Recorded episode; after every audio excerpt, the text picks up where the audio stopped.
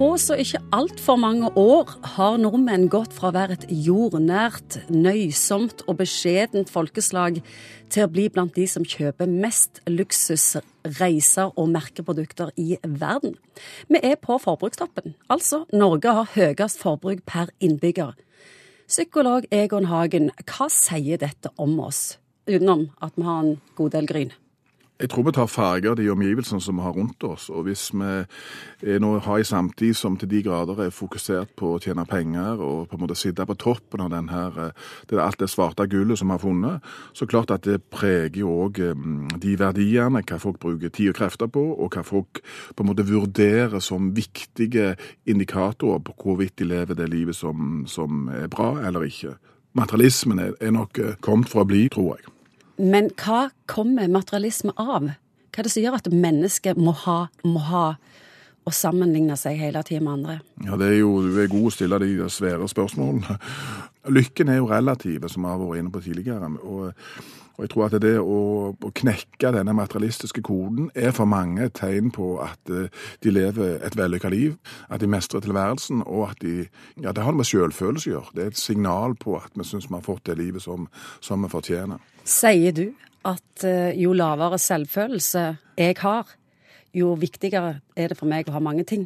Ja det, ja, det, kan du si. Det er kanskje litt uh, vri litt på det, men jeg tror på det er blitt en indikator på hvorvidt du lykkes og mestre tilværelsen. Og så kan du selvfølgelig si det om å problematisere dette. Er vi for, er vi for utenfra og inn opptatt av hva, hva, det vil si å være et OK menneske? Og legger vi for mye vekt egentlig på disse tingene?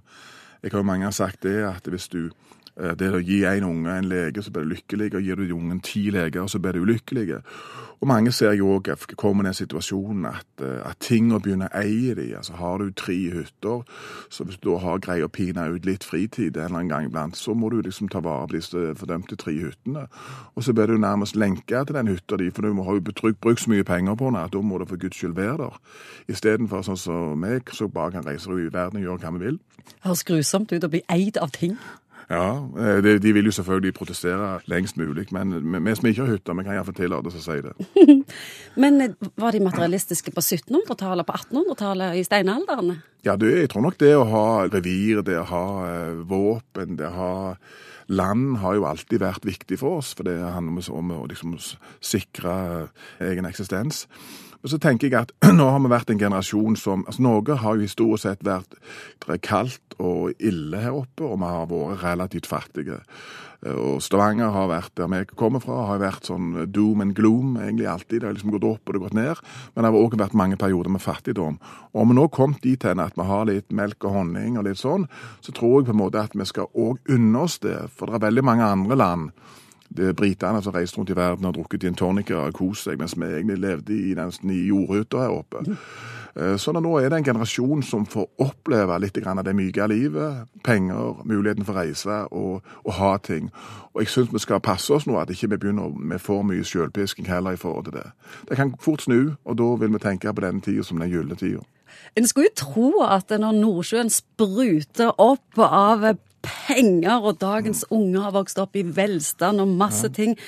At de kommer til et punkt der de heller vil bruke pengene sine og kreftene sine på noe helt annet. Det vil jeg tro, men nei. Nei, det er jo det er vel få plasser egentlig hvor det er så mye Canada Goose-jakker og, og, dyre klær som kanskje akkurat her vi bor. Men kanskje er det sånn at neste generasjon så får du på en måte en, en endring. Altså Når folk er metta langs disse linjene, så kanskje blir de mer opptatt av andre ting. Og det er jo bl.a. i forhold til dette med miljø, så ser vi jo at ungdommen eh, tar noen grep kanskje som, som bærer håp om kanskje òg litt andre prioriteringer framover.